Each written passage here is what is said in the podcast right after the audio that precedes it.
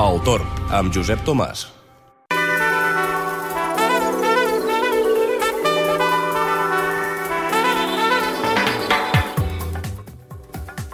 Iniciem la setmana, com sempre, amb en Roger Soler, el Roger que ens porta les novetats de meteorologia i de clima que hagin succeït al llarg d'aquesta darrera setmana i, de fet, doncs, també les coses que passen arreu del món. Roger, bona tarda. Bona tarda, Josep. Què tal? Doncs molt bé, aquí esperant que arribi la neu, a veure si ens arriba demà. Aviat, aviat, no? Ja, a veure, demà... Ja tenim canvis més importants en el temps i la dinàmica, diguéssim, de les masses d'aire ja és diferent, més optimista pel que fa a la neu aquí al Principat d'Andorra i en general tot el Pirineu. Mhm. I és més que els models estacionals de la NOA a 15 dies donen una segona quinzena de, de gener en pas de sistemes frontals i en pas d'ondulacions d'aire fred. Per tant, això podria provocar nevades més perseverants, potser sobretot a Vall Nord, sobretot a, a Ordino i potser també al pas de la casa. No nevades generals o molt abundants, però sí que anirà nevant especialment al nord, no? Mm, doncs sí, doncs a veure, a veure si això es va complint. I què ens portes aquesta setmana, Roger?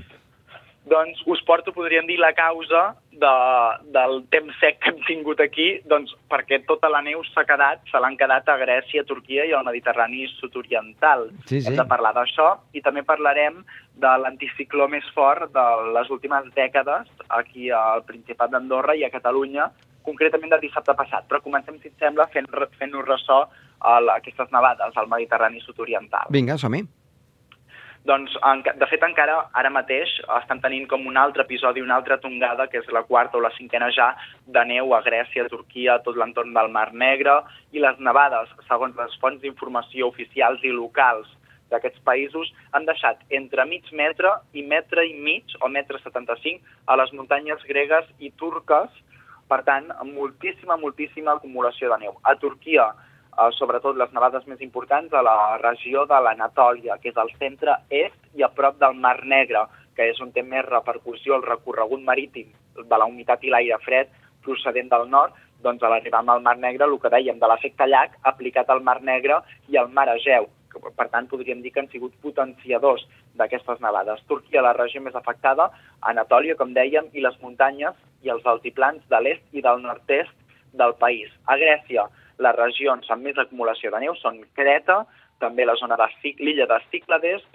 Àtica i també la zona, podríem dir, més oriental tocant amb el mar Egeu. Per tant, moltíssima acumulació també en aquests sectors i el mar Egeu, doncs a Creta va deixar importants, importants acumulacions.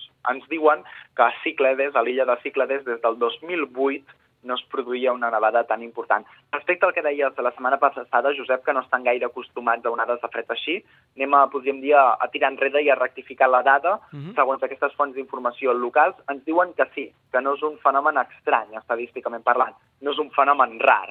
Uh, els períodes de retorn, un període de retorn és a cada X temps que es produeix algun fenomen, el temps que tarda a produir-se, a tornar-se a produir un fenomen, en aquest cas les nevades, doncs bé, el període de retorn de les nevades importants, tant a Grècia com a Turquia, són de només dos o tres anys. Per tant, tenen una freqüència més alta que molts punts baixos de Catalunya. I tant. A Catalunya es produeixen cada 5, cada 6 anys, alguna nevada de 20, 30, 40 centímetres de manera generalitzada, però ja estem parlant de períodes de retorn de 3 anys de nevades entre mig metre i un metre de neu. Mhm. Per tant, eh, podríem dir que estan, podríem dir, acostumats, relativament Clar. acostumats a aquests fenòmens. És que Què tenen, passa? tenen Sí. Roger, la, la, eh, tot, tota la, la zona aquesta de la Rússia europea, que genera molt aire fred, abans dels Urals, tota aquesta zona ho tenen doncs, en línia recta i, Exacte. i sense cap gran eh, massís de muntanyes que faci... Exacte, Podríem dir que arriba directe, no? A- Aquesta bossa d'aire fred, aquesta Sí. massa d'aire polar siberiana es despenja i no té cap impediment ni cap obstacle per arribar en aquesta zona del Pròxim Orient i aquesta zona Clar. del Mediterrani sud-oriental, no? I, I entre parèntesis podríem dir que ho té relativament fàcil si es donen eh, les peces, es fiquen bé per poder doncs, fer un passadís que arribi fins a Bulgària, Romania, evidentment, eh, Macedònia i, i finalment Grècia i Turquia. Doncs sí, i de fet eh, això és el que, això és el que ha passat, no? Mhm. Tenim notícia de nevades a tots els països eh, circumdants al Mar Negre, Geòrgia, Armènia, també tota la zona de Bulgària, Croàcia, Macedònia, nevades en aquests sectors, Israel, Síria i fins i tot ha arribat a nevar al desert. Per Mhm. les xarxes socials han corregut imatges en aquestes darreres jornades Sí, d'una enfarinada al desert d'Aràbia Saudita. Mhm. Per tant, nevades i fred contundent que ens expliquen les fonts turques i gregues que han arribat als 16 graus sota zero a 1.500 metres. Mhm. Són fred bastant, bastant contundent per aquestes rigorosos. latituds baixes Mhm. i ha arribat a nevar fins a Istanbul o Atenes, que són ciutats suaus del Mediterrani, per tant amb temperatures també que han voltat als 0 graus en aquests sectors. I mm, això del mar Egeu i del mar Negre expliquem això, de l'efecte llac, no? que ja ho vam explicar, Sí. però ho extrapolem o ho concretem en aquest cas. Ens explicaven que la temperatura de l'aigua del mar, d'ambdós mars, que són uns mars, podríem dir, petits i tancats, per tant, um, que tenen un comportament semblant a un llac, no? Mhm. um, tenen temperatures al voltant dels 10 graus positius, l'aigua del mar. I clar, a l'entrar una massa d'aire molt, molt freda de 16 graus sota zero, aquest contrast Mhm. de 10 graus positius a 16 graus sota zero són 20 graus de diferència. Sí. Això provoca una reactivació molt evident de les masses d'aire i, per tant, unes nevades molt més potenciades, molt exponencialment molt més grans, molt més elevades del que en un principi la massa d'aire per si podria provocar. Mhm. Per tant, és un factor orogràfic, un factor geogràfic molt important a tenir en compte a l'hora de pronosticar nevades. La presència d'un mar tancat o d'un llac, en aquest cas dels grans llacs dels Estats Units. Òbviament, el llac de Tristaina no seria capaç No. de provocar això. Potser a escala local, potser cau un o dos centímetres més, això potser sí, però són fenòmens incipients, no? Mm, jo A- crec a que ni això, de eh? gran- Ni això. A nivell de gran escala, doncs uh, sí que són fenòmens que, Mhm. de rellevants que s'han de tenir en compte, eh, Josep? Per tant, aquesta seria una mica la diagnosi del que està passant al, al sud-est del continent europeu i en aquesta zona de l'Orient Mitjà hi ha hagut problemes, incidències a les Mhm. carreteres, talls de llum, de subministrament elèctric en poblacions així una mica aïllades a les zones de muntanya durant més de dos o tres dies. El temporal de neu més consistent va estar al voltant del dia de Reis, entre el dia 4 i el dia 8 de gener, però encara continua nevant i encara a vegades continua el mal temps en aquell sector, continua aquesta bossa d'aire fred perseverant eh, afectant en aquesta zona, que primer dèiem que va afectar Sicília, però s'ha desplaçat més cap a l'est, més cap al Mediterrani oriental, provocant tots aquests estralls que en tinguem constància, no hi ha hagut cap víctima mortal ni dany personal, però sí moltes incidències a la vida quotidiana d'aquestes zones de, de Grècia i de Turquia. Mm, I després, eh, molt ràpidament, també ens has d'explicar el tema d'aquest potent anticicló. Doncs sí, un potent anticicló que dissabte passat va ser el més fort, el més robust dels últims 20 anys a Catalunya i segurament eh, també aquí al Principat d'Andorra.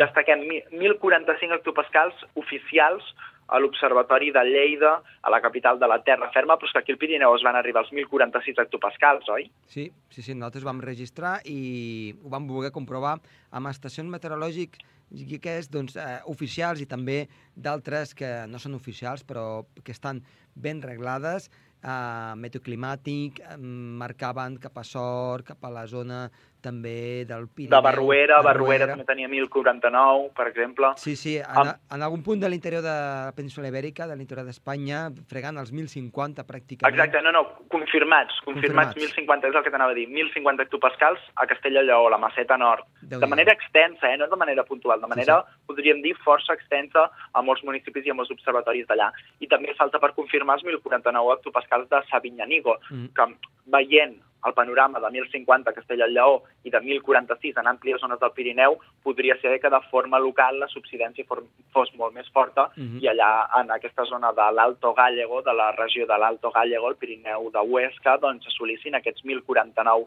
hectopascals, que va ser un fenomen curiós que teníem una pressió molt, molt, molt més alta en aquestes zones de pirinenques que no pas a la costa mediterrània, no? Mhm. Sí, sembla com si l'aire doncs, eh, s'escapés. Pesés, exacte, pesés molt més aquí al Pirineu, eh? Sí, sí, sí. Roger, doncs eh, moltes gràcies. T'esperem dijous que ve amb novetats meteorològiques. Que vagi bé la setmana. Molt bé, bona setmana.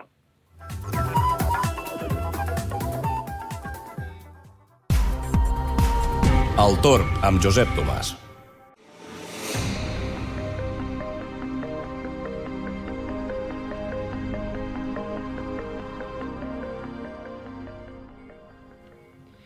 Avui tenim en Gerard Tauler. Ell és eh, climatòleg i meteoròleg mm, de les eh, comarques de Girona, ara ens ho explicarà, i ja fa uns quants anys que també va estar amb nosaltres aquí al programa Tor, però han passat aquests anys, ha escrit un llibre, ha avançat molt en el que és la seva tesi doctoral, que crec que val molt la pena que ens la pugui comentar i pensaven que era un bon moment doncs, eh, perquè parléssim amb ell. Eh, Gerard, bona tarda i gràcies per estar aquí amb nosaltres al Torb. Hola, bona tarda, Josep Tomàs. Doncs, eh, Gerard, una mica per recordar, per aquells oients doncs, que no t'havien sentit la darrera vegada que vas parlar aquí, eh, qui és en Gerard Tauler? Amb el sentit doncs, eh, científic, amb el sentit doncs, acadèmic. Sí, soc llicenciat en Geografia, ja estic fent la tesi doctoral al clima urbà de Girona que l'haig de publicar aquest any.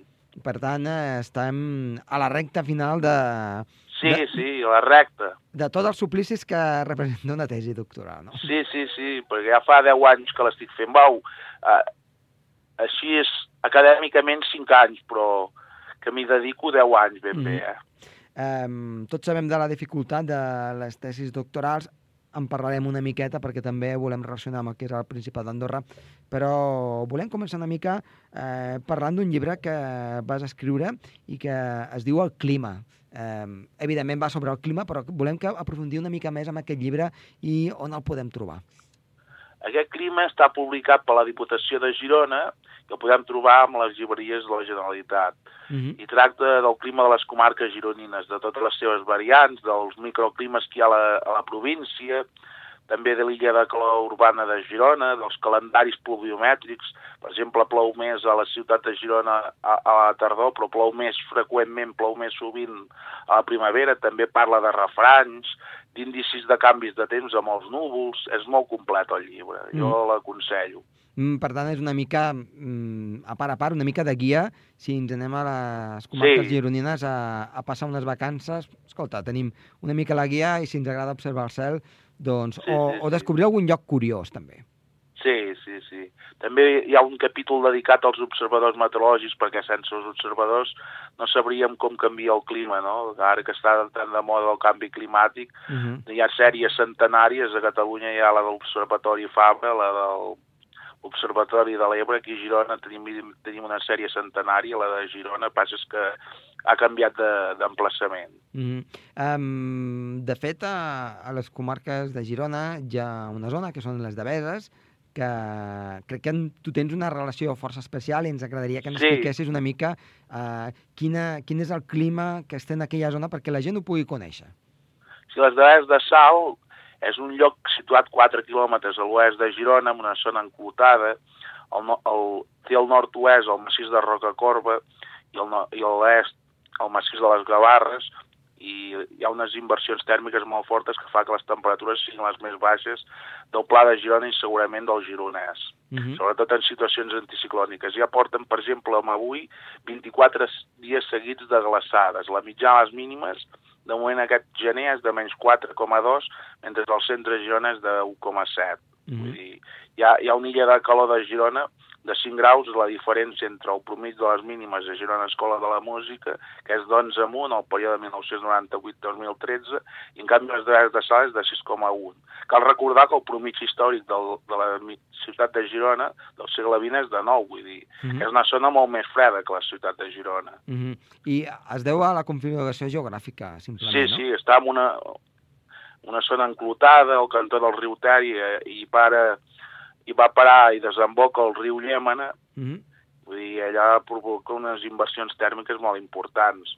Aquests dies he observat inversions de fins a 18 graus. 18 graus. Estan, sí, sí, menys 3 i mig a les Deveres de Sal, que està a 81 metres, i en canvi els Àngels estaven a 14 graus, això el dia 10, Uh -huh. a dos quarts de 9 del matí.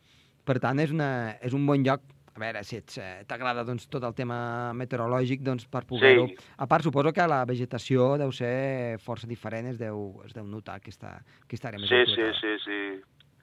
Allà no hi ha pas el- els arbres que hi ha aquí al centre de Girona i fins i tot Sarrià i Sal, Uh -huh. hi ha, hi ha cultius de... Vau, hi ha, hi ha plantats al- alguns tarongers i llimoners que ja no aguantarien pas amb les glaçades que fa. Mhm. Allà glaça 91 dies de mitjana a l'any Uh -huh. i en canvi al centre de Girona glacen una 14 i- dies i mig i les glaçades són molt més fortes. Vull dir, en el període 98-2013 la mínima absoluta va ser de menys 13. Uh -huh. En canvi, el centre de Girona va ser només de menys 7, vull dir, 6 graus de diferència, la mínima absoluta de diferència. Uh -huh. I de les comarques de Girona, quina, quina és l'àrea que podríem dir doncs, és més eh, extraordinària o potser que, que ens, ens pot sorprendre una mica més? Home, totes les zones ens sorprenen. Per exemple, la cubeta d'Olot destaca també per les mínimes absolutes, menys 21 a la Vall d'en Bas l'any 85, Uh -huh. i la mitjana de les mínimes també és molt semblant a les de Beses, i la mitjana de les màximes és sorprenentment alta per ser una zona enfonsada. Uh -huh. Aqu aquests últims dies han tingut màximes fins i tot més altes que aquí a Girona, Olot es va arribar a 22, però el Cap de Creus també en destaca molt, perquè la, la mitjana més alta gairebé de tot Catalunya. Allà, tot i estar a l'extrem nord de, de la Catalunya, té una mitjana de 7,1 a Cadaqués, i aquest inici de gener amb prou feina s'ha baixat de 10 graus a, Uh a -huh. Cadaqués. Per tant, eh, podem veure que mm, si estem a prop del mar o estem una mica més endins, eh, la situació és totalment Sí, hi ha una diferent, diferència de no? temperatures molt important i de vents també. Mentre allà al Cap de Creus és, és, és normal passar de 100 per hora, aquí a Girona passar de 30 és molt estrany. Mhm. I aquí estem en un clot i els vents són molt fluixos. Per exemple, la darrera ventada de, del desembre vam tenir una ratxa de 100 per hora eh, a l'aeroport de Girona i aquí Girona només va ser de 58. Mhm. I aquí passar de 30 per hora, sobretot a, a dos metres d'alçada, no a, a 10, que és on eh, se mesura el vent, Mhm. eh, és estrany, eh? Mhm. I normalment a Girona els vents són fluixos com a molt moderats. Um, hi, ha, hi ha una àrea, tota la zona de, de la Garrotxa, um, Sí. que també suposo que doncs, has estudiat a fons. El, Sí, allà el clima és, sobretot amb un màxim de pluja a primavera i inici d'estiu, que és degut a les tempestes. Les tempestes allà són molt i molt fortes. Lla- Llavors jo, jo et volia demanar, perquè molts de, de, dels nostres oients d'Andorra, doncs, en el seu camí cap a, cap a la Costa Brava, segurament passen per, per Olot, si no per la comarca eh, de la Garrotxa. I el, el per què eh, es formen les tempestes allí o plou aquest, aquest raig i en canvi a altres zones properes no fa res? Què és el que potencia que hi hagi doncs, aquestes precipitacions? Home, estem a, a la vessant sud del Pirineu, que s'escalfa molt durant els migdies, les mitjanes màximes a Olot volta els 30 graus, almenys els últims 15 anys, el mes de juliol, i això amb, amb, l'aire fred que entra en alçada sovint a, a l'estiu, contrastos de temperatura de 40 graus, juntament amb l'aportació de la marinada que aporta humitat de la costa, doncs això amb, la, amb, la, amb el pendent de les muntanyes, que el vent quan ascendeix es refreda, doncs dona aquestes tempestes importants, sobretot que clar, és, és la primera serralada que troba el vent humit Mhm. quan ve del mar, i això dona aquestes tempestes tan Per tant, fortes. per tant, la clau estaria amb aquesta entrada de la marinada eh, Sí, sí, a sí. partir del, del migdia de la tarda, no? Sí, sí, sí, sí. Mm -hmm. ah, em, al diari de Girona també hi, hi vas fent... Sí, sí, faig col·laboracions cada Col·laboració. setmana. Ahir, ahir vaig escriure 5 o 6 articles. Normalment els escric de cop, els articles. Hi ha, hi ha altres col·laboradors que escriuen un cada setmana, però jo me venen a vegades allò com se diu, Sí, sí, la inspiració i... inspiració i n'escric 5 o 6 i estic un o dos mesos sense escriure'ns. Mm -hmm. I, I, per tant, eh, ets, un, ets, un, ets una persona ben coneguda en l'àmbit eh, meteorològic Sí, de, sí, sí, sí, de les sí. comarques de, de Girona. Ja, ja hauria d'escriure articles per la tesi, perquè encara no n'he escrit gaires. Només he escrit el, el panell, però hauria d'escriure en revistes així indexades. Mm -hmm. um, aprofundim una mica més amb el tema de la tesis doctoral, perquè crec que és prou important, de parlar sobre la illa de calor. Explica'ns una mica, aquí ho hem tractat, això, també ho- t'ho tinc que dir, del, del que és una illa de calor, però sempre està bé recordar una mica què és la illa de calor i després eh, tractem una mica doncs, com, com, què és el que hi ha a Girona en concret. Sí, sí, sí. Doncs l'illa de calor és que la ciutat és, és una transformació de l'espai natural. Hi ha habitatges, mo- molts d'habitatges, moltes calefaccions, molta indústria, molts de cotxes i tot això, comparat amb el medi natural, provoca una transformació important. I les temperatures són molt més altes que els voltants de la, de la ciutat. És L'illa de calor és com un, una muntanya, que hi ha isotermes en forma concèntrica, però mentre que una muntanya les temperatures baixen des, des del centre cap a la, ai, de la perifèria cap al centre, Uh -huh. vull dir que com més a, a prop del centre la temperatura és més baixa perquè la, la, la, estem més alts, Mhm. la temperatura baixa amb l'alçada, aquí passa l'inrevés. Al centre les temperatures són més altes i a la perifèria són més baixes. I, a la... I aquí hem trobat illes de calor de 12 graus, que això és un fet extraordinari a Espanya. A Espanya només s'havia trobat 11 graus a Madrid i aquí 12. Uh -huh. Vull dir, eh, ahir, per exemple, vaig fer un transecte i vaig trobar 11 graus de diferència d'illa de calor. estaven a menys 1 a les deveses de, de sal a les 9 del vespre, mentre al centre de Girona estàvem a 1 grau. Ai, a 10 graus. Uh -huh. I el... és més forta aquesta idea de calor a Girona que no pas a Barcelona? Sí, sí.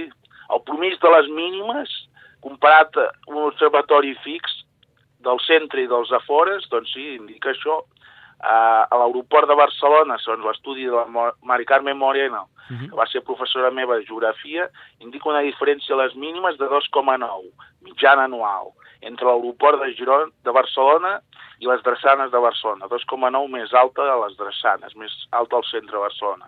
I aquí Girona he trobat 5 graus de mitjana, mitjana anual entre l'Escola de la Música i les Drades de Sal, 5 graus de diferència. I aquesta diferència de, de, de comportament jo m'imagino que és pel caràcter més continental del clima de Girona, que afavoreix aquests contrastos més marcats. Uh -huh. I um, com ho tenim per, pels, propers, uh, pels propers mesos? Uh, ja amb la recta final, ja alguna sí, cosa sí. Que, que ens cal acabar de, d'aclarir o ja, ja està tot mm, lligat i ben lligat? Està ben lligat, està ben lligat. Bueno, abans d'acabar les pluges, de les pluges he analitzat la intensitat també pluviomètrica. Uh -huh. Aquí tenim dades siminutals de 12 observatoris i els he comparat i, he, i no he detectat com sí que trobo a, a les temperatures un efecte urbà, en la pluja no trobo un efecte urbà tan clar. Uh -huh. Vull dir, no, no s'observa un increment de pluja al centre. En tot cas, al centre, més o menys, la, la pluja és igual d'intensa que els afores. Uh -huh. ja, no hi ha una diferència. En tot cas, a Sotavent sí que hi ha un increment de la pluja aquí a Sarrià respecte a la zona de Fornells de la Selva, però és més per les pluges de, de llevant, les llevantades, que pas amb, amb tempestes. Uh -huh. Si això extrapolem aquí al Principat d'Andorra, què ens en podries parlar de, de, del tema d'illa de calor? Home, l'illa de calor a Andorra m'imagino que deu ser més dèbil, perquè és una ciutat més, més petita, uh -huh. però m'imagino que en deu haver-n'hi. A més, segur que hi ha variació entre una part de, del barri més situat a l'Orient que a, a, a Ponent. Per exemple, aquí a Girona, a, a la tarda el màxim és més cap al barri vell i menys cap a l'Eixample i el matí és a l'inrevés, no? Uh -huh. Perquè depèn de, de, de, de, de on toca el sol primer, doncs s'escalfa primer la, la zona de la ciutat més, més situada on toca més el sol més aviat. Perquè amb, amb el que m'estàs dient, hi ha de calor gairebé n'hi ha a tot arreu on hi hagi un, sí. un poble. A no ser que Sí, sigui molt sí, petit. sí, sí. Encara que sigui molt petit, també una mica podríem trobar.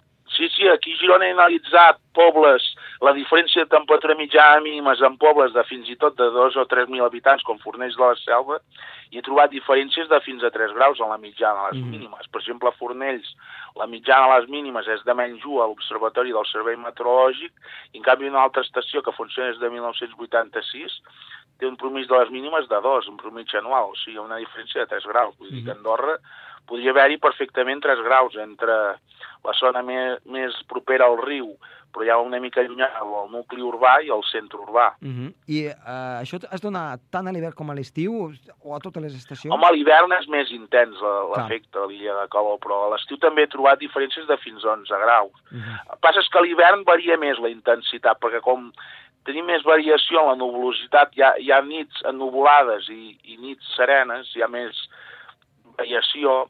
En canvi, a l'estiu normalment les nits són serenes. -huh. O sigui, a l'estiu és més constant la, la illa de calor, l'hivern varia molt més. En dies núvols la intensitat se pot acostar a zero i en canvi en dies serens se pot acostar a 7 o 8 graus a la diferència de les mínimes. Doncs Gerard, moltíssimes gràcies per estar avui aquí amb nosaltres i quan hagis acabat eh, t'esperem per que ens Sí, expliquis ja, a veure ja, com ha ja, us, anat. Eh? ja us enviaré un correu electrònic dient que ha acabat la tesi. Molt bé, i ens Molt bé, gràcies, Josep Tomàs. A tu, vinga, fins la propera. Fins la propera. Adéu-siau. Adéu, adéu.